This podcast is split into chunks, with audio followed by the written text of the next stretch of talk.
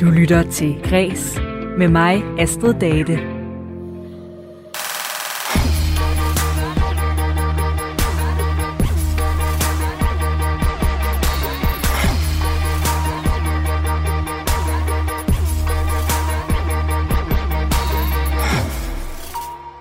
Fleste har prøvet at øh, blive ramt af hjertesover og ved, hvor forfærdeligt smertefuldt det er at sige farvel til en, man elsker. Det kan samtidig være svært at navigere i de forskellige faser af chok og sorg og bearbejdning. Men i en ny bog, der guider radioværterne og ægtepar Maria Jensel og Pelle Peter Jensel, der gennem de svære følelser. Inden de fandt sammen, der oplevede de nemlig begge hver, hver deres ulykkelige kærestesorg over brudet med en tidligere kæreste. Og nu har de altså udgivet bogen, der hedder 112 eller 112 for knuste hjerter, som de selv manglede, da de fik reddet hjertet i tu. Jeg skal tale mere om motivationen for at skrive bogen, men den ene del af forfatterparet Marie Jensel i dag, hvor jeg også taler med en ekspert om hjertesorgens fysiologi. I dag skal vi også høre, hvordan interesseorganisationen for de danske festivaler og spillesteder Dansk Live, hvordan de vil få flere unge med minoritetsbaggrund ind i branchen. Og så er en af Kreses kulturagenter klar med en anmeldelse af fru Møllers Mølleri. Mit navn er Astrid Date. Velkommen til Kres.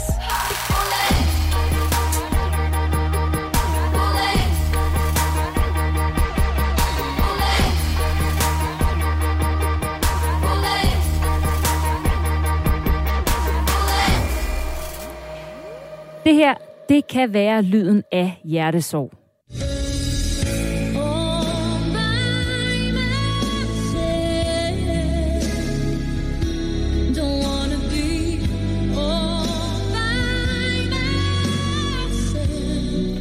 Hjertesorg er temaet i kreds i dag, hvor parret Maria Jensel og Peter Pelle Jensel er aktuelle med en bog om, ja, hjertesorg.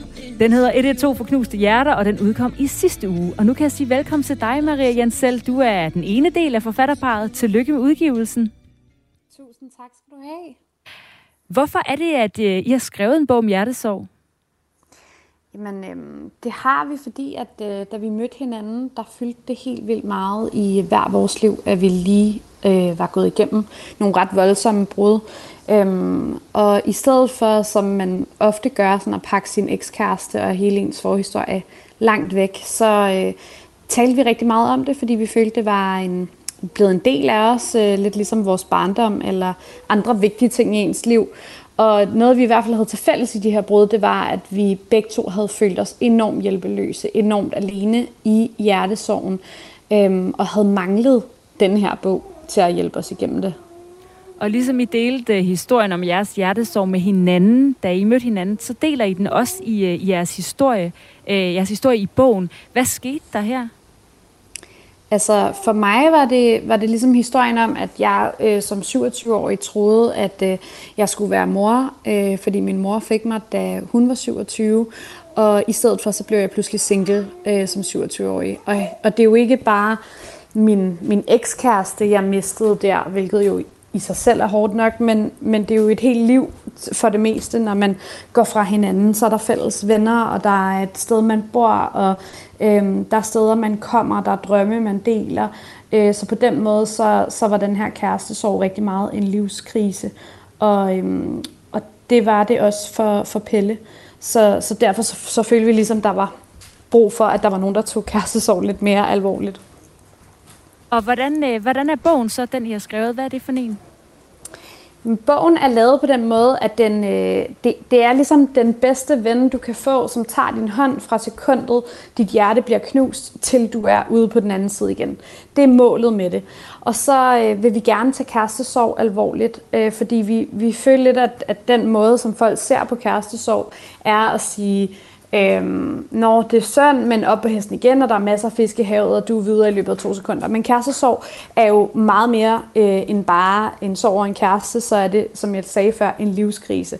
Så bogen består af vores egne personlige øh, fortællinger, så man som læser kan, fø, øh, kan, ligesom, kan se, at man ikke er alene i alle de her tabubelagte og inderste, måske mest skamfulde øh, følelser.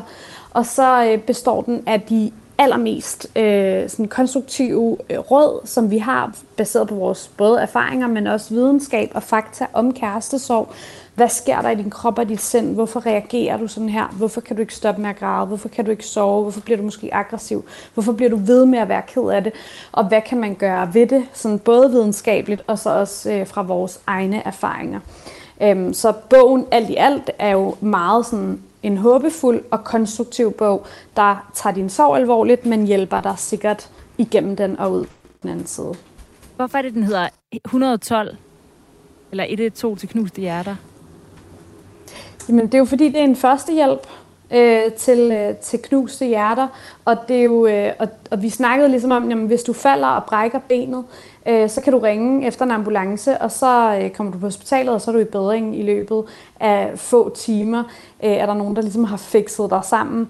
Og, og hvis du får knust dit hjerte, som jo er tusind gange mere øh, alvorligt og gør meget mere ondt end et brækket ben, så er der bare ikke nogen at ringe til. Øh, der er ikke den her, øh, det her nødnummer for, for kærestesorg, og det er det, som den her bog er. Det er en kærlighedsambulance, som øh, tager dig afsted og, øh, og ud på den side. Så det er et alternativ til at kaste over en øh, Ben Jerry's eller se Pretty Woman? Altså, det, du kan også sagtens se, øh, spise Ben Jerry's og se Pretty Woman, øh, imens du læser den her bog. Der er helt vildt mange øh, råd til, til alle mulige versioner af, hvordan du kan komme igennem kærestesorg. Men du kommer jo ikke over kærestesorg ved bare at spise Ben Jerry's og se Pretty Woman. Altså, det, det er jo en, en lille, lille, lille, lille, lille bitte procentdel af, øh, af de ting, du kan gøre for at komme stærkere ud på den anden side. Og hjertesorg, det er jo ikke ligefrem et øh, sådan nyt emne, og der findes allerede mange bøger og artikler og podcast om hjertesorg. Hvordan er jeres bog anderledes? Altså, der findes faktisk ikke øh, sådan en her bog øh, og der findes ikke noget i nærheden af det. Det, som der findes, det er en masse damebladsartikler, som netop siger, spis noget Ben Jerry's, eller se den her film, eller hør All By Myself. Men der findes ikke en bog, som, som guider dig og tager dig i hånden øh, fra sekundet, dit hjerte bliver knust, tager din sorg alvorligt, hjælper dig hele vejen igennem alle faserne.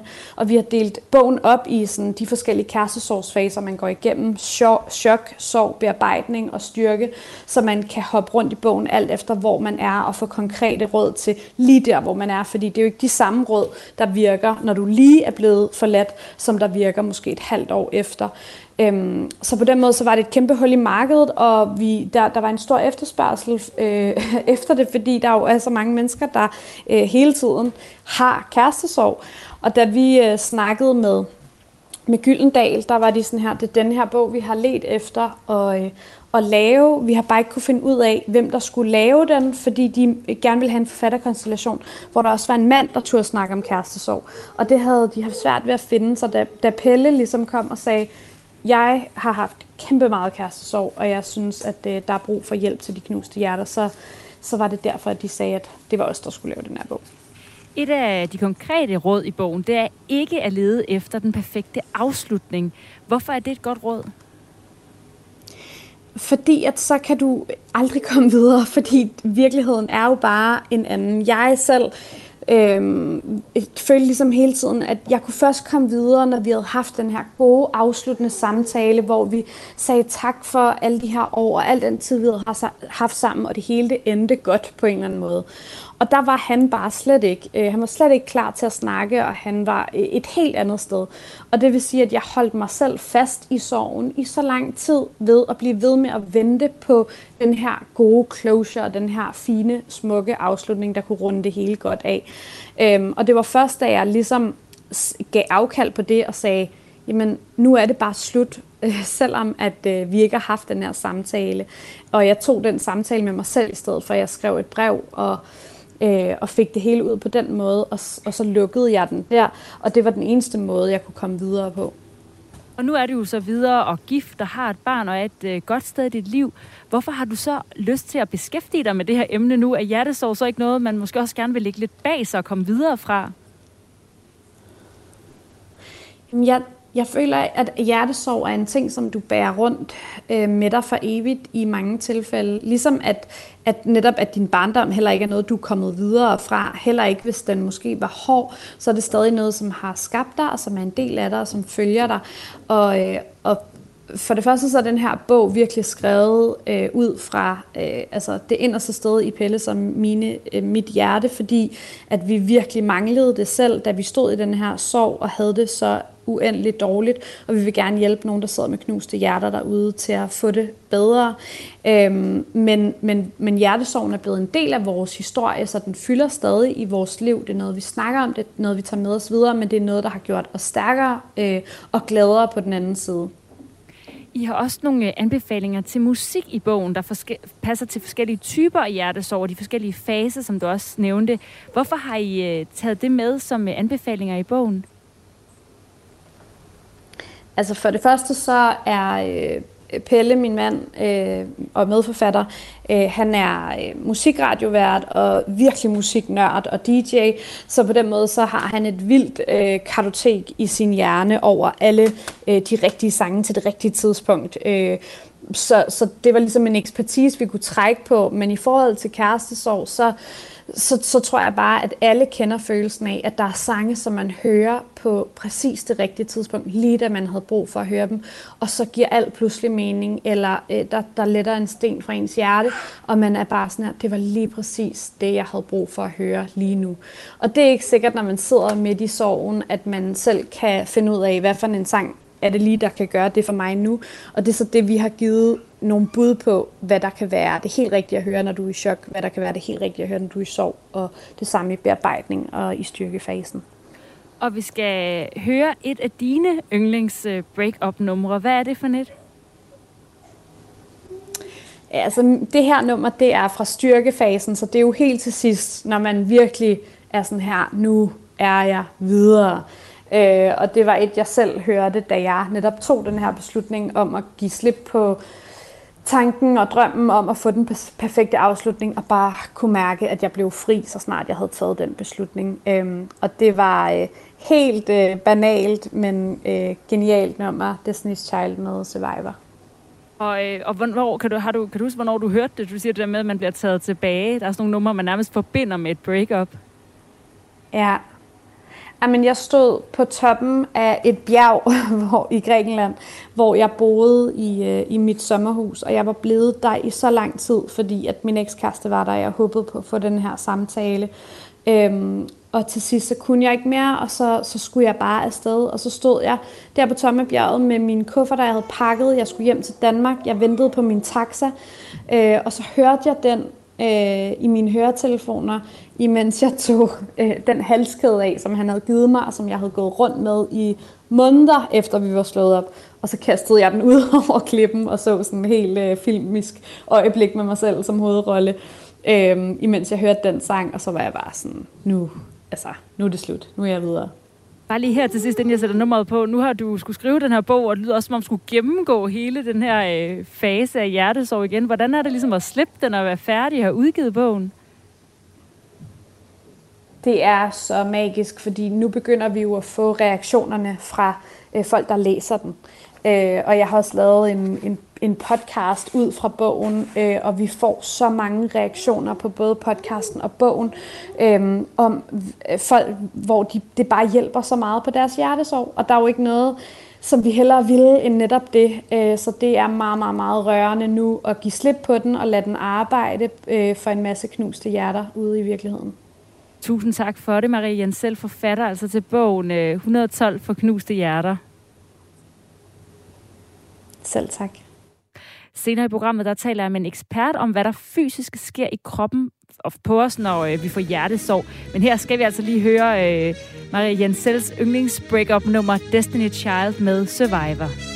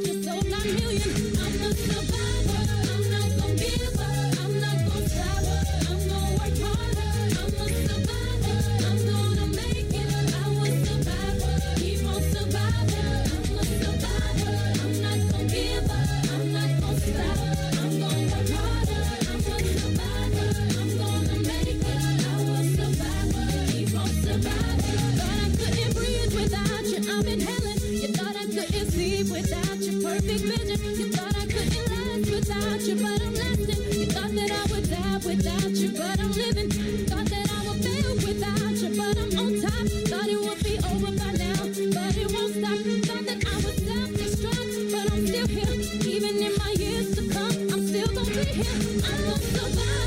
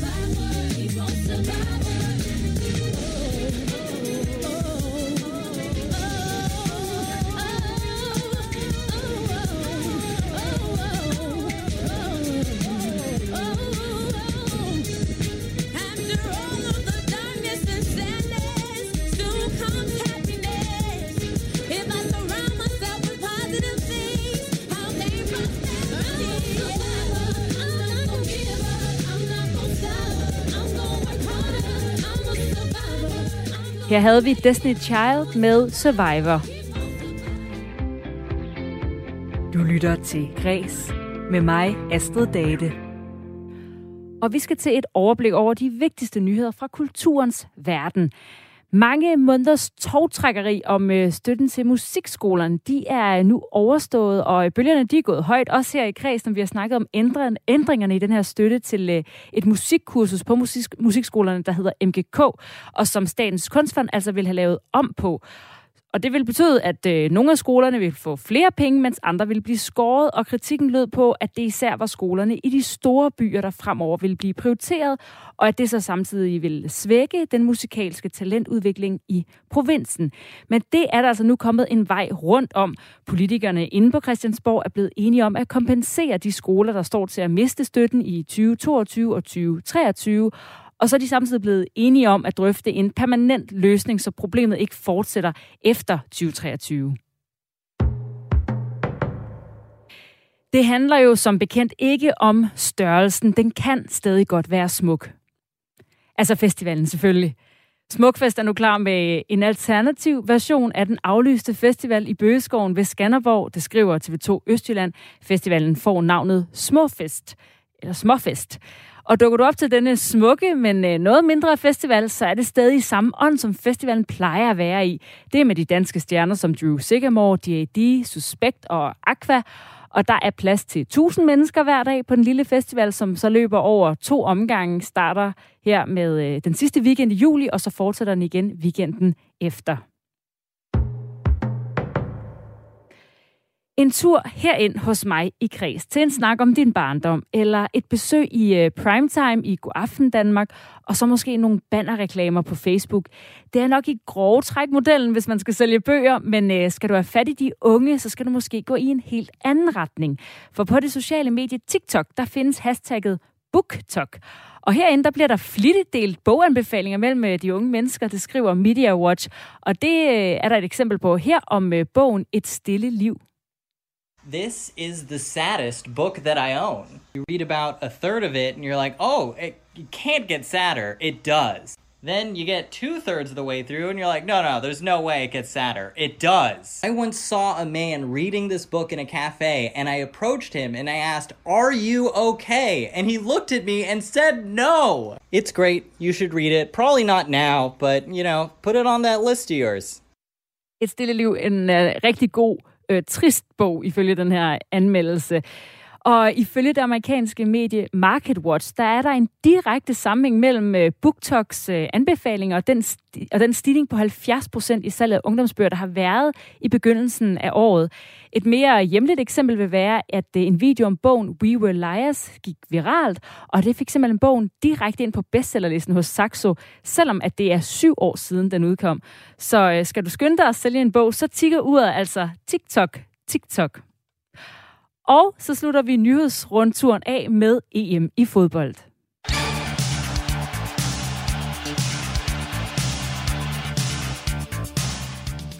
Fordi i går blev den sidste kamp i parken spillet ved denne slutrunde.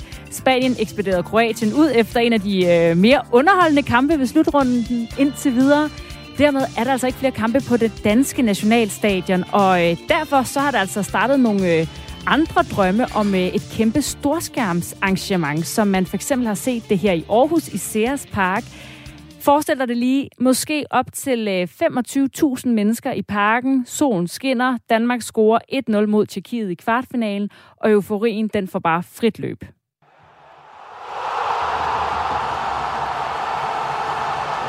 Men øh, ak nej, det kommer altså ikke til at lade sig gøre. FCK's pressechef Jes Mortensen, han har allerede svaret på Twitter, at øh, UEFA de har stadion frem til den 6. i 7.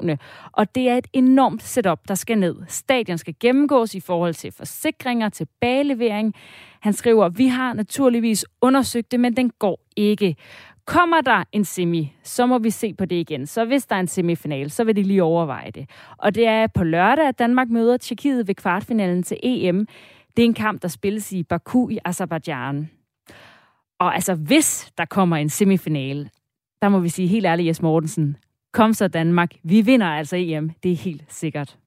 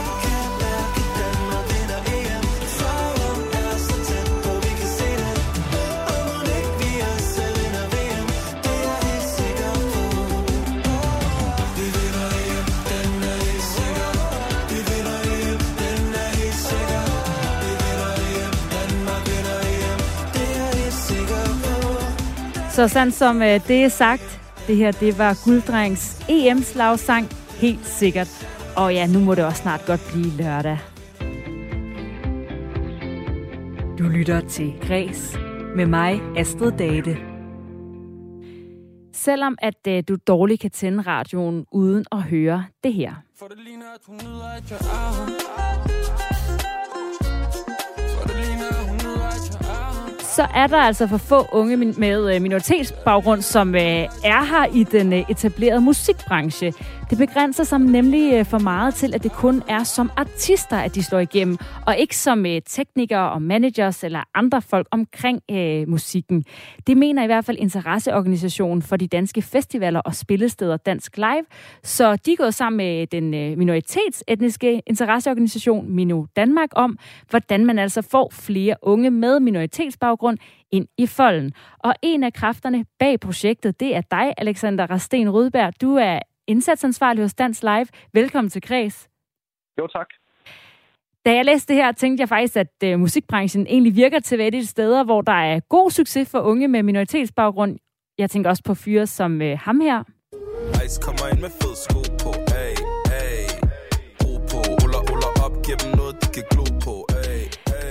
Der er ret mange øh, danskere med minoritetsbaggrund på Spotifys topliste. Hvorfor er det jeres oplevelse, at øh, det mest udmyndter sig i de udøvende kunstnere, og ikke i de her roller rundt omkring?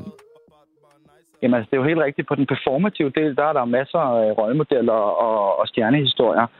Jeg tror, at den organisatoriske model, som vi jo har fokus på som interesseorganisation, en af de årsager, jeg tror, er til, at der ikke er flere minoriteternes baggrund, er simpelthen fordi, at det er et vanskeligere felt at komme ind på. Øh, at lave musik, at producere musik er en lille smule mere demokratisk.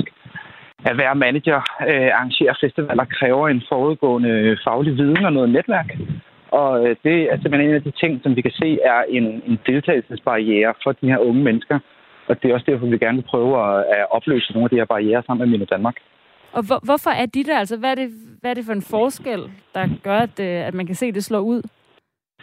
Jeg tror helt lavpraktisk, hvis du spørger ind til, hvis du skal lave en koncert, eller hvis du skal øh, manage øh, en artist, så kræver det noget viden omkring, hvad vil det sige at lave kontrakter, øh, hvad vil det sige at lave promovering, øh, hvordan samler man 50 mennesker til at lave en festival, og så videre og så videre, og hvordan har man netværket til egentlig at komme ind til festivalerne og til spillestederne og promovere øh, sine artister som manager eller som koncertarrangør. Og den viden, den er en lille smule sværere tilgængelig, end at sidde øh, og producere musik øh, fra sin computer. På den måde, ja. Hvad er det så, øh, jeg tænkte, at det var svært tilgængeligt for unge med minoritetsbaggrund, men nu forstår jeg i forhold til at være den, der, øh, der står i fronten, og så være dem omkring, ikke? Hvad er, det, hvad er det konkret for nogle unge mennesker, I så gerne vil ramme med det her projekt? Hvor er det, de er henne? Jamen konkret er det folk mellem 18 og 30. Øhm, og vi kan sige, nogle af de her spørgsmål er svære, svære at svare på nu her, fordi at vi skal ud og lave en kortlægning først. Øh, så vi skal ud og fatte nogle af de miljøer, som findes på tværs af landet øh, i forskellige byer. Noget af det, vi regner med, det er at møde folk i lydstudier i boligforeninger, eller lydstudier øh, i ungdomsklubber, eller nogle af de her små kulturmiljøer omkring nogle af vores festivaler og spillesteder. Øh, vi regner med, at det er her, de findes, øh, og vi ved øh, fra Mino også, at der er enormt meget potentiale, som ikke rigtig bliver forløst, fordi der ikke er nogen, der samler de her unge mennesker op. Og du siger, at der er noget øh, forberedelse i det, i det her projekt. I skal indsamle noget viden. Hvad er det for nogle informationer, I synes, I mangler, for at I kan begynde at hjælpe de her unge i branchen? Jamen grundlæggende, man kan sige, Dansk Life og Minus Danmark har jo ellers en rigtig stærk platform sammen. Og der er også klart nogle synergier, som vi skal have udnyttet. Men hvis vi skal ind og lave noget, som har relevans for målgruppen, så skal vi ud og snakke med dem, og det er det, vi skal i kortlægningen. Vi skal ud og have fat i nogle af de her miljøer og høre helt konkret og helt lokalt, hvad er udfordringen i Vejle, hvad er udfordringen i Esbjerg, hvad er udfordringen i København. For ellers så kan vi ikke rigtig komme i gang med at lave hverken kompetenceforløb eller faglig opkvalificering af de unge, hvis ikke det bliver på deres præmisser. Øh, så det er sådan set hovedårsagen til, at vi har knap et års øh, kortlægning og det, vi kalder rejsehold, hvor vi altså render rundt og øh, skal indsamle viden og engagere og aktivere nogle af de her unge til at være med til at medskabe nogle af de aktiviteter, som skal være på øh, forløbet. Så det kræver altså noget, ja, noget forberedelse i et års tid, som du siger, for at få de her unge med minoritetsbaggrund ind, som for eksempel teknikere og manager. Og hvorfor er det så vigtigt, at det sker? Det er vigtigt, at det sker, fordi det er en fuldendt fødekæde. Altså hvis man skal sørge for, at der er flere minoriteter minoritetsetnisk baggrund i publikumsgrupper på festivaler og spillesteder, eller som frivillige på festivaler og spillesteder, så skal vi bygge det op omkring mere end bare et performativ del. Så skal vi simpelthen have fat i nogle af de her øh, fællesskaber og nogle af de her ungdomsmiljøer, og så få dem aktiveret, så de kan hive deres venner med, så de kan hive deres omgangskreds med, og stille og roligt udvikle, hvad kan man sige, musikbranchen indenfra. Og derfor er det enormt vigtigt, at vi skaber noget, som er på deres præmisser, vi har ikke nogen interesse i at komme, hvad kan man kalde det, sådan top-down og fortælle, her er jeres udfordringer, sådan her løser vi dem. Vi bliver nødt til at kortlægge udfordringerne sammen med de unge, og så snakke med dem om, hvordan er det, I bedst synes, at vi skal løse nogle af de kvalifikationer, som I ikke har. Og er det så også, fordi I oplever, at der er en interesse for de her andre roller, end at være øh, dem, der står helt i fronten og øh, synger for som Ice Kid eller Shooter Gang osv.? Ja, det vil jeg sige. Altså, Milo Danmark har i forvejen sådan nogle ungegrupper, som de kalder dem, som er sådan nogle kulturfællesskaber på tværs af landet. Og vi har også haft reach out til, øh, til Sony og nogle andre øh, pladselskaber med det her fokus, og der er vores erfaring, at der er en enorm stor interesse blandt unge minoriteternes baggrund for at få mere viden. Der er bare ikke så mange, der serverer dem på de præmisser, som, øh, som det kræver. Er det så lidt sent i virkeligheden, I kommer i gang med at begynde at hive de her unge ind, når nu det er så tydeligt, at der er en interesse for musik i mange af de miljøer?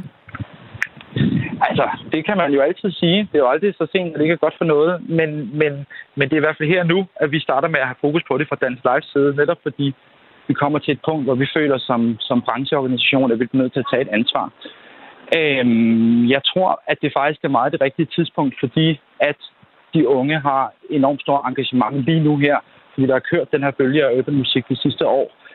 Så derfor er det helt rigtige tidspunkt, vi tager fat i nogle af de her mennesker og finder ud af, der er faktisk andre fortællinger at blive en stjerneartist. Du kan også gå nogle andre veje ind i branchen. Øh, og det tror jeg, der er mange af de unge, som ikke er klar over. Er der nogle, øh, så der nogle udfordringer i det her? Øh, du tænker i projektet ja. eller i, i branchens tilstand? Altså, i, i projektet øh, har vi jo den udfordring, at vi hele tiden skal kvalificere vores aktiviteter. Øh, så den første store udfordring øh, er jo, at vi skal, vi skal ud og kortlægge alle de her øh, ungdomsgrupper og snakke med dem. Øh, og så bliver den udfordring forhåbentlig løst. Og så kommer vi videre til et rejsehold, hvor vi skal ud og aktivere dem. Og så kommer vi videre til et kompetenceforløb, hvor vi afslutningsvis samler op på al den viden, vi har fået ud af de sidste to år. Og så kan de så øh, komme ind i et udviklingsforløb hos jer øh, på baggrund mm-hmm. af det her. Øh, hvordan, hvordan foregår det? Jamen, altså, vi har jo faktisk arbejdet med talentudvikling i nogle år hos Dansk Live. Det foregår som regel sådan, at vi plejer at sikre tre ting. Vi sikrer, at man får en faglig øh, opkvalificering. Vi sikrer, at man får øh, et socialt øh, netværk, noget tryghed i den gruppe, man er sammen med. Og så sikrer vi, at man får det faglige netværk til at komme ud til de mennesker, man ønsker at interagere med. Og det er lidt det samme format, vi synes, det skal præsentere for de her unge mennesker. Men indholdet inden for rammerne, det skal vi simpelthen ud og samskabe sammen med dem. Og det her projekt, det løber jo altså i to år. Så hvis vi lige hopper frem til 2023, hvad skal så være sket, før du vil betegne det her projekt som en succes? Altså, vi håber meget, at en af effekterne er, at vi ser en øget andel af minoritetsetniske unge blandt frivillige på spillesteder og festivaler. Og at vi også langsomt begynder at se, at der opstår vækstlagsstrukturer rundt omkring i landet, hvor unge med minoritetens baggrund laver deres egne koncerter, øh, opbygger deres egne studier, og på den måde ligesom får øh, en spillover-effekt ind i den etablerede sektor. Så det er meget det, vi håber, at der ligesom opstår nogle synergier i vækstlaget, og de unge, vi arbejder med, så de i større grad kan øh, uafhængiggøre sig selv og, øh, og få kvalifikationerne til at gå efter nogle af de drømme, som de har. Og kan det også handle om at finde nogle øh, sådan forgangsfolk eller nogle øh, sådan idoler, så folk har nogen at spejle sig i i branchen? Ja, det handler det i den grad om. Altså en stor del af det, som kortlægningen også indebærer, er ligesom en dokumentering af alle de gode historier, som findes på tværs af landet. Øh, så kortlægningen og rejseholdet vil også indebære, at man laver rollemodeller, og du laver succesfortællinger, netop så flere unge mennesker kan føle sig tiltrukket, og så de kan se, okay, jeg behøver ikke være stjerneartist, jeg kan faktisk være tekniker, jeg har måske mere interesse i at organisere festivaler, end jeg spiller på festivaler. Så det er et meget, meget, meget stor del af det, at vi viser de unge, at vi viser samfundet, og vi også viser musikbranchen sådan set, at der findes en hel målgruppe, og har et potentiale, som ikke rigtig bliver udnyttet. Vi vil glæde os til at høre nogle af alle de øh, gode historier, I finder frem til. Held og lykke med projektet, Alexander Rasten Rydberg. Tusind tak. Som øh, jo altså er øh, indsatsansvarlig hos Dansk Live, og øh, havde tid til at komme her og fortælle lidt om øh, det projekt, de altså har sat i gang med at få flere unge med minoritetsbaggrund ind til nogle andre roller i musikbranchen, end den, der står allerforrest på scenen og synger for. Du lytter til Græs med mig, Astrid Date. Og nu vender jeg tilbage til øh, dagens tema her i Kreds, som er hjertesorg.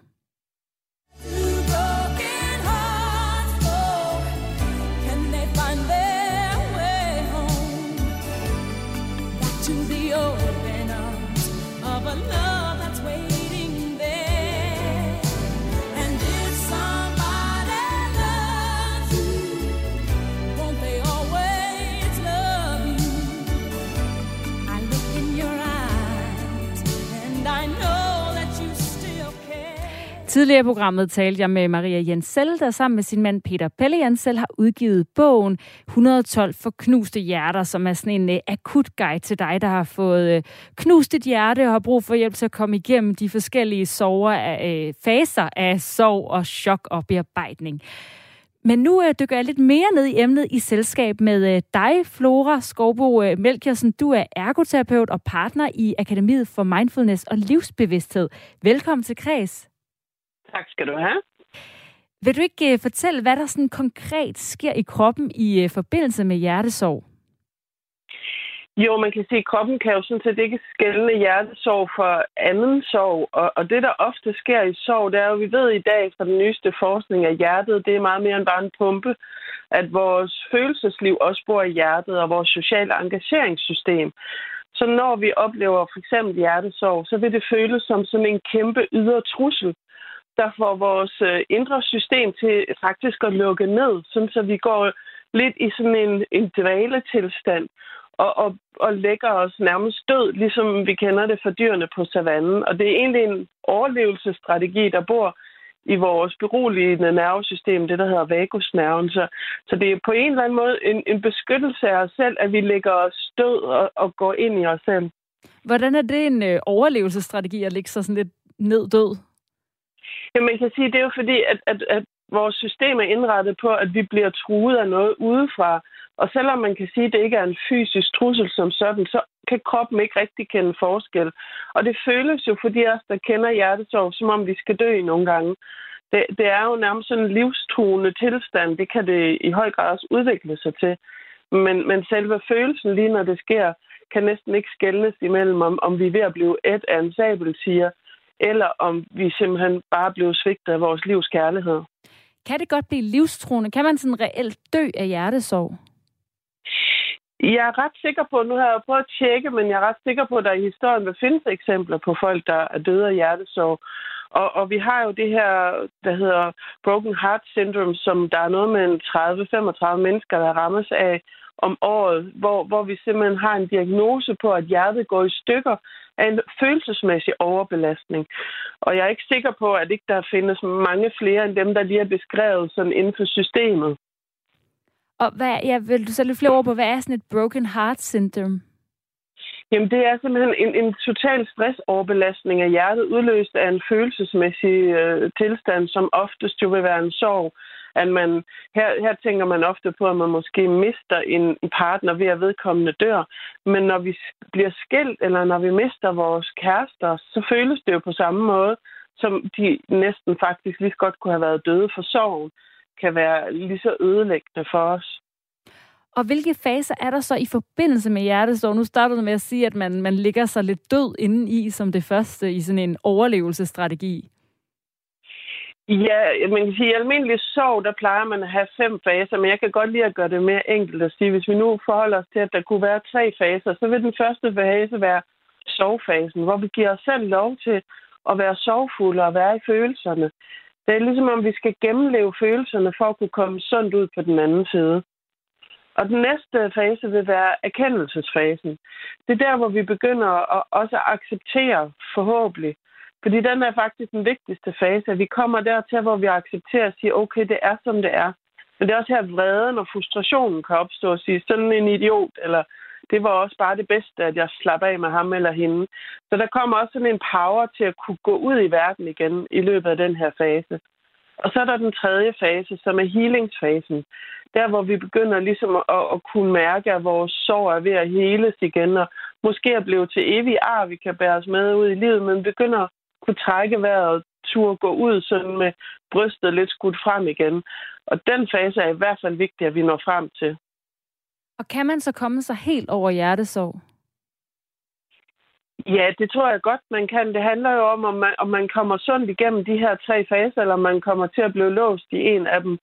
Men jeg tror, at vi alle sammen altid vil have et ar, vi bærer med os, og det er jo en del af det at være i live og være menneske. At vi får nogle ar på sjælen, og de gør os klogere og på mange måder også smukkere. Og har du oplevet, at der er en udvikling i, at, øh, at hvad kan man sige, alvoren af hjertesorg er blevet taget, øh, altså blevet, at man har taget det mere alvorligt i dag? Det, det håber jeg i hvert fald. Jeg synes også, jeg ser det. Nu arbejder jeg selv meget med compassion-træning, og det er jo en af de værktøjer, vi kan bruge især til hjertesorg og sorg generelt, som er nogle af de stærkeste forskning omkring det her med, at hjertet er meget mere end bare en fysisk pumpe. At den faktisk rummer hele vores følelsesliv. Og mange taler om, at hjertet har sin egen hjerne, der mærker og føler ting, før hjernen faktisk bliver aktiveret. Og den forskning vinder mere og mere indpas. Måske ikke så meget i Danmark endnu, men i udlandet er det faktisk rigtig meget anerkendt at tale om de her ting og anerkende, at, at ja, vi kan faktisk blive syge af hjertesorg. Og måske endda dø af det. Og øh, jeg ved, du også har nogle øh, gode råd, du øh, vil give os her i dag til at komme videre fra en hjertesorg, øh, som vi lige kan se på her til sidst. Hvad er, øh, hvad er dit første gode råd? Mit første gode råd vil være det, vi altid ser på film, nemlig læg dig og, og vær i følelsen. Spis det, du har lyst til, og ofte vil det være søde sager, fordi det relaterer sig ind i mors modermælk og den dybe omsorg. Så, så vær i følelserne, græd alt det, du skal græde. Og mit næste råd ville så være at sige, og så tal med nogen om det. Men vær også klar på at sige, jeg har ikke brug for at blive fikset. Jeg har ikke brug for gode råd. For ofte så vil folk begynde at fortælle, at jeg var også der, og så skal du bare høre, så gjorde jeg. Men vi har bare brug for at blive lyttet til. Og det sidste vigtige råd, jeg vil give, det var at sige, og så brug kroppen. Modtag massage, gå ud og gå en tur. En af de store traumeforskere, han siger, berøring, bevægelse og åndedræt er de tre ting, der sådan ligesom kan bringe os videre, når vi er låst i sådan en voldsom traume, som hjertesorg jo faktisk kan være. Så græd og accept og øh, snak med dine venner og brug kroppen. Ja, eller snak med en professionel, hvis det er rigtig slemt. Det er der ikke nogen skam i. Det tror jeg faktisk er en vigtig pointe også at sige. Man må godt række ud og bede om professionel hjælp, også selvom det i gåsøjne bare er hjertesorg. Alle tider. Det kunne jo være en som øh, dig. Du er jo ergoterapeut og partner i Akademiet for Mindfulness og Livsbevidsthed, Flora Skovbo Melkersen. Tak fordi, at uh, du ville fortælle om uh, nogle mere sådan, kropslige konsekvenser om hjertesorg her i dag. Jamen, tusind tak, fordi jeg måtte være med. Og spændende emne i hvert fald. Du lytter til Græs med mig, Astrid Date.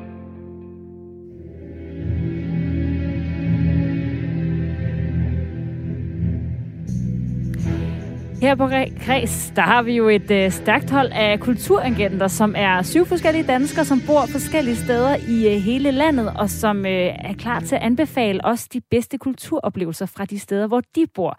Så vi kan få en slags lokal guide, der præsenterer os for nogle af de oplevelser, vi måske ikke selv vil have opdaget.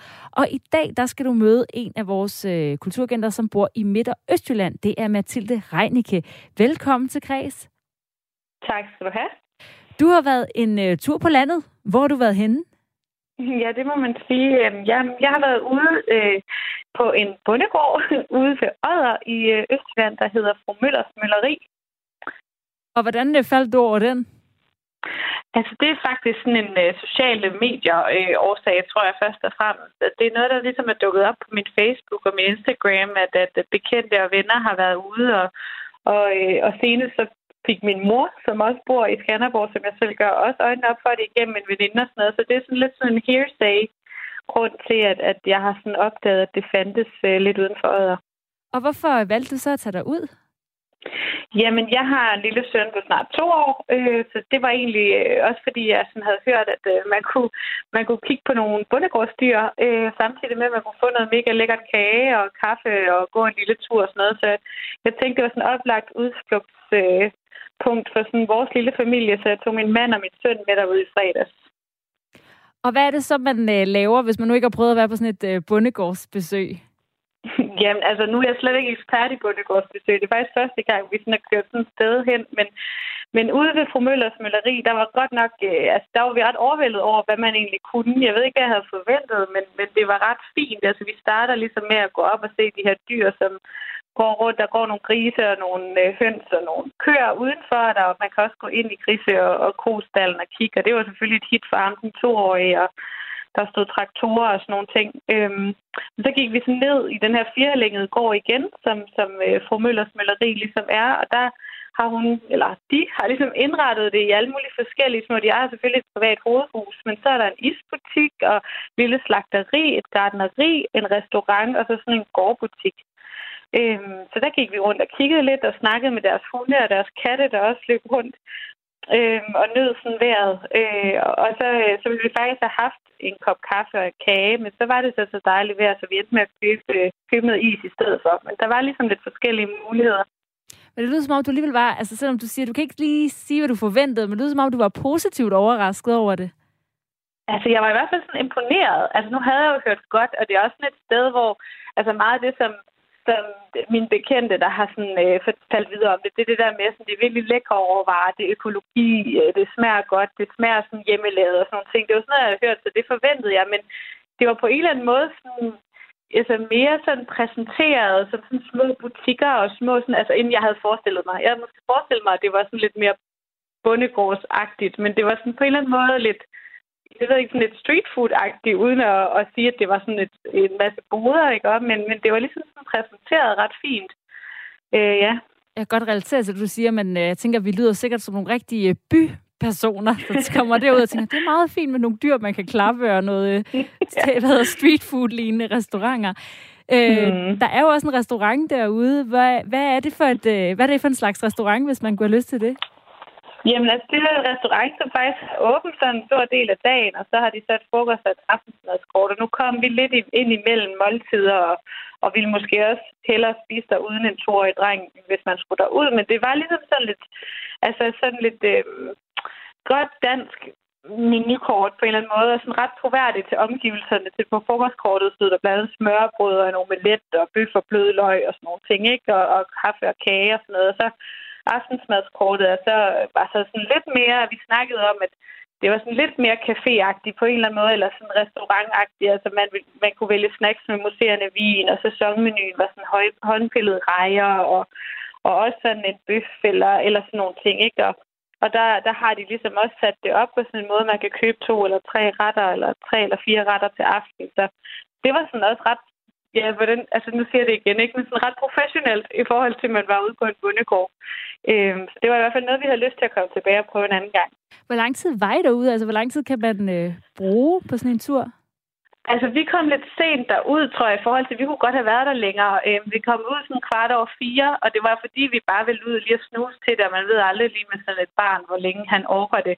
Men jeg vil sige, det var godt vejr, og det var dejligt, og det eneste grund til, at vi så kørte hjem, var fordi, der lukkede gårdbutikken og isbutikken, og så lukkede klokken 5, og vi kørte så hjem for at spise aftensmad, ikke? Men vi kunne godt have brugt mere tid derude. Altså, man kunne godt også have havde ligesom sat sig på at spise frokosten og rende rundt og gå en, en, en tur i, i området. Ikke? Så en, i hvert fald en time, vil jeg sige, at øh, man sagtens kan få til at gå. Inden for isbutikkens åbningstid, selvfølgelig. Nå, er det du, godt være, ja. er du blevet lidt inspireret af... Det er en killer-is, så altså, det, det, det hele værd nærmest at købe ud og købe den is. Det er virkelig en god is. Er du så på vej øh, til at flytte på landet nu efter den oplevelse? Nej, jeg vil ikke sige, at jeg kan rigtig godt lide det parcelhus, jeg nu har bosat mig i i Skanderborg og sådan nogle ting, men, men vi, øh, vi kører helt sikkert til Odder igen. Altså det, øh, jeg synes, det var et rigtig fint udflugtsmål, uden at det var sådan et cirkus, som det også nogle gange kan være, når man tager i en eller anden dyrepark eller sådan et eller andet. Det var jo ikke, det er jo ikke et dyrepark på den måde, men det var ligesom et sted, man kunne få lov at gå og være sig selv som familie og som gruppe. Øhm, og, øh, og der var ligesom sådan en ro på, ikke? Så det var, det var et dejligt åndehul, selv for os i provinsen. Vi kan også bruge for åndehuller. og det lyder også, som om det er et godt øh, børnefamiliearrangement, du selv havde din toårige søn med derude. Jamen, helt sikkert, og det var også sådan et klientel, vi mødte derude. Altså, og så så vi så dem, der begyndte at komme halv fem, fem, det lignede ligesom også lokale, der skulle ud og købe noget til aftensmaden i slagteriet og sådan noget. Ikke? Så og, og også inde i gårdbutikken. Jeg var inde og købe nogle kager med hjem til aftenkaffen, og der var også folk inde og købe brød og, og brød og sådan nogle ting. Så, det er ligesom sådan en, en mellemting mellem en oplevelse og ellers så sådan et, et lidt luksus og lidt lækkert sådan, øh, indkøbsmulighed i området. Så, så det tror jeg, vi, vi benytter os af en anden gang. Så her til sidst, hvor mange øh, stjerner fra 1 til 6 vil du give øh, fru Møllers Mølleri ved øh, Odder ved Aarhus og Skanderborg? Altså, på en solskinsdag, der får fru Møllers Mølleri i hvert fald de seks stjerner. Altså, vi var virkelig imponeret og, og glade for, for at være der, og vi, vi er helt sikkert tilbage, så det må jo være topkarakter værdigt. Og så den der is, den kan vi virkelig anbefale. Tusind det, tak. Det var jo bare super. Ej, det er godt. Det er altid et ekstra krydderi, der der er is. Mm-hmm. tak skal du have, Mathilde Reindike, vores kulturagent i uh, Midt- og Østjylland. Velbekomme. Du lytter til Græs med mig, Astrid Date. Og dagens tema i dag har jo været øh, hjertesover, og vi slutter lige af med en ægte hjertesovs klassiker fra den øh, britiske superflødefyr James Blunt. Så øh, find isen frem, læg dig i fosterstilling, og så tænk på din udkårne, der har forladt dig rigtig træls. Men her kommer der nogle trøstende ord fra James Blunt.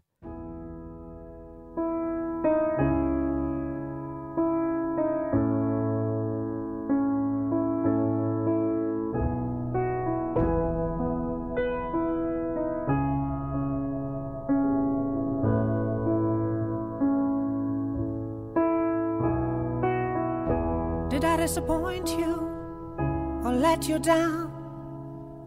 Should I be feeling guilty or let the judges frown? Cause I saw the end before we'd begun. Yes, I saw you were blinded and I knew I had won. So I took what's mine by eternal right. Took your soul out into the night. It may be over, but it won't stop there. I am here for you if you'd only care.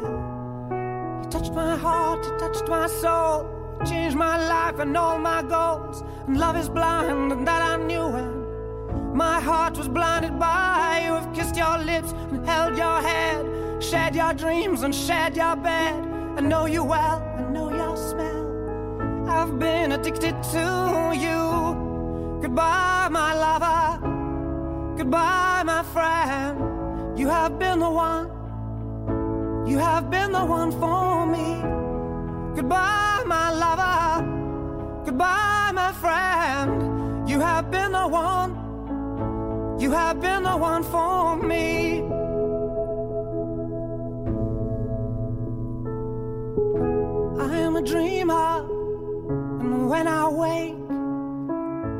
Can't break my spirit.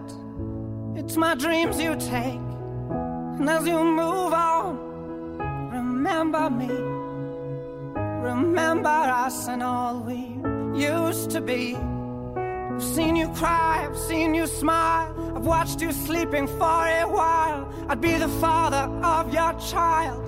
I'd spend a lifetime with you. I know your fears and you know mine. We've had our doubts, but now we're fine. And I love you, I swear that's true.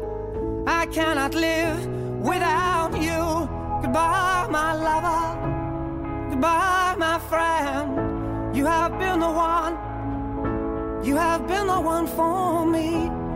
Goodbye, my lover. Goodbye, my friend. You have been the one. You have been the one for me.